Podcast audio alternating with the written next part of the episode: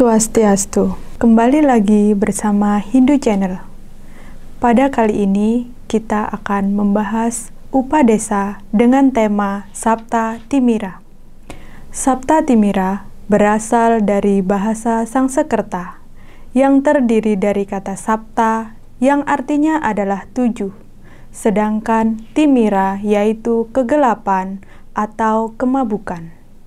Jadi, Sabta Timira adalah tujuh hal yang menyebabkan seseorang menjadi gelap atau mabuk. Untuk lebih memahami, mari kita bahas arti dari bagian-bagian Sabta Timira.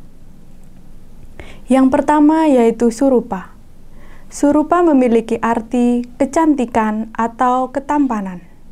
Dalam hal ini, ketika seseorang memiliki wajah yang cantik atau yang tampan, Biasanya mereka merasa sombong. Sebaiknya hal itu jangan dilakukan. Ketika kita memiliki wajah yang cantik ataupun tampan, justru kita harus bersyukur. Kita bersikap selalu ramah, memiliki sopan santun, dan memiliki kerendah hatian. Bagian yang kedua yaitu dana. Dana artinya adalah harta atau kekayaan.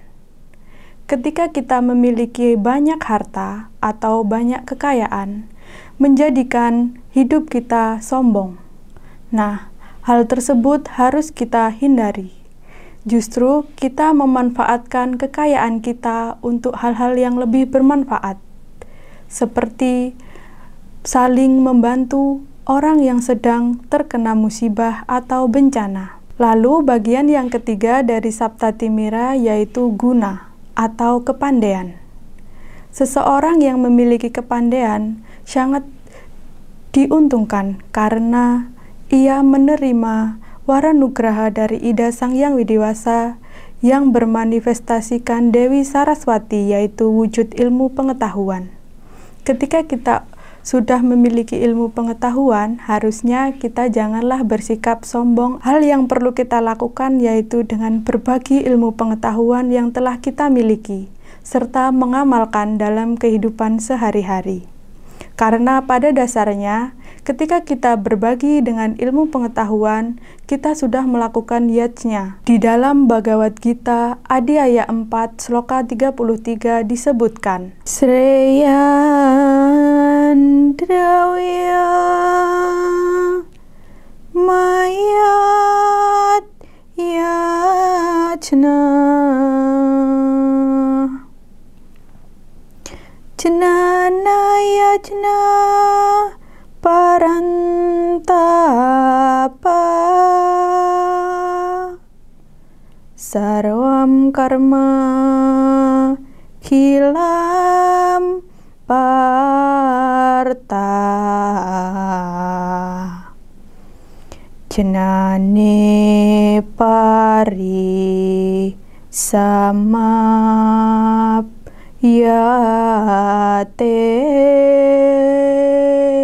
Yang terjemahannya wahai penakluk musuh korban suci yang dilakukan dengan pengetahuan lebih baik daripada hanya mengorbankan harta benda material.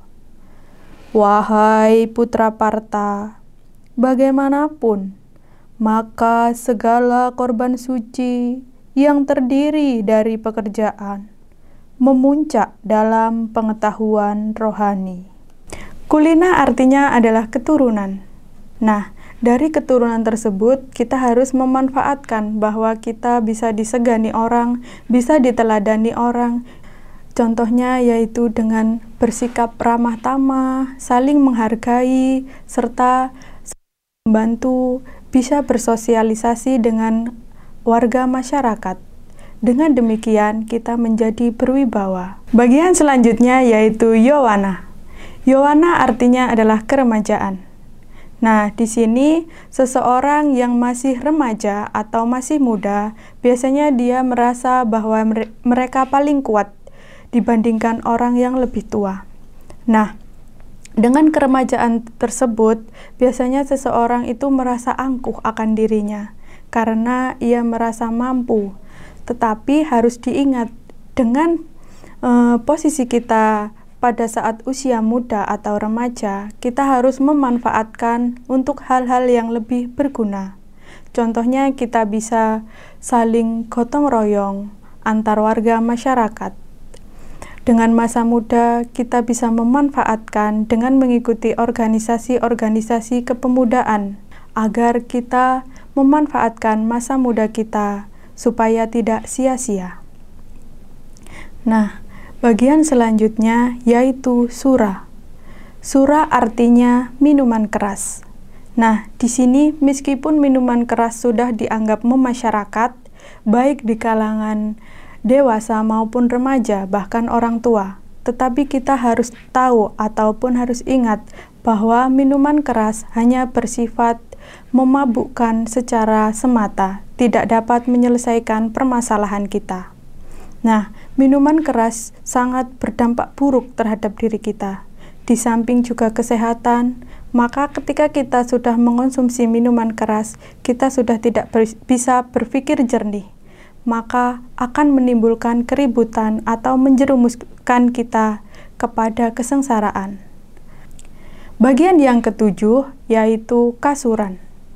Kasuran artinya memiliki keberanian yang tinggi.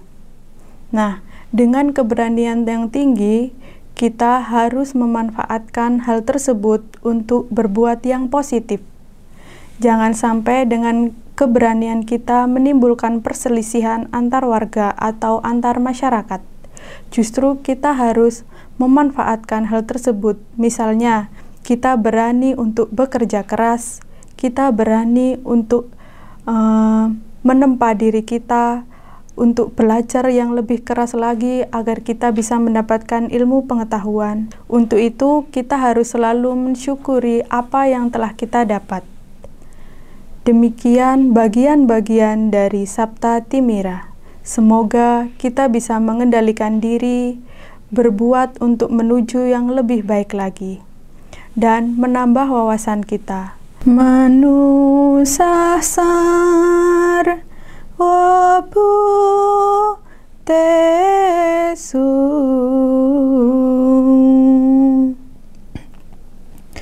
Waratate wai supasupe